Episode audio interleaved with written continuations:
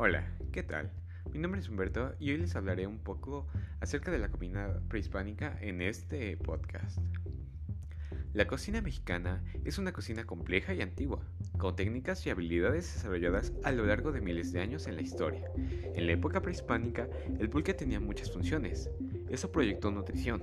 Se utilizó en ceremonias religiosas, como lo era la medicina, y en eventos especiales, como bodas y fiestas en honor a los guerreros.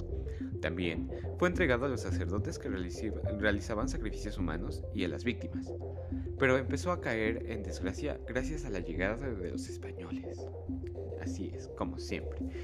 Los mayas eran una sociedad agrícola y eran conocidos como los hombres de maíz, o como era referido a su lengua materna, Ixi. Era el alimento básico de los mayas y hoy se usa para hacer tortillas, tamal, atole, pozole y algunos tipos de pan. ¡Qué delicia! Además, otro alimento esencial en la dieta del pueblo maya y principal fuente de proteínas eran los frijoles, que en el idioma nativo se llamaban bul. Fueron aplastados y repartidos sobre tortillas para hacer tacos. Los mayas también preparaban y comían frijoles conocidos en sopa y utilizados como harina, e incluso como pasta para rellenar tamales envueltos con hojas.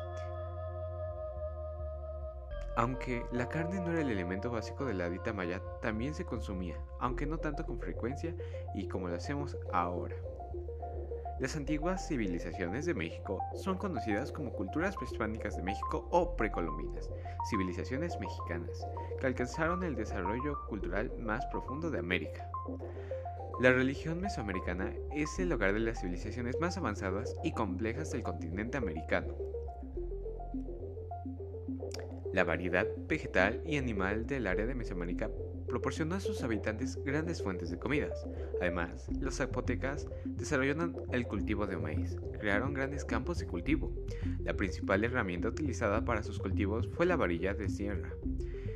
Este cultivo de sierra permitió que otros cultivos que producían, aunque en menor medida, eran plátanos, garbanzos, guisantes, patacas, ajos y cebollas.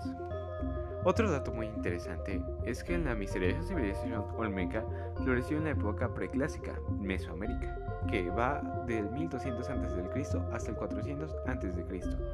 y es considerado el precursor de todas las posteriores culturas mesoamericanas, como la maya y la azteca. Los olmecas practicaban la agricultura y limpia para plantar las plantas con ceniza y así las utilizaban como fertilizantes.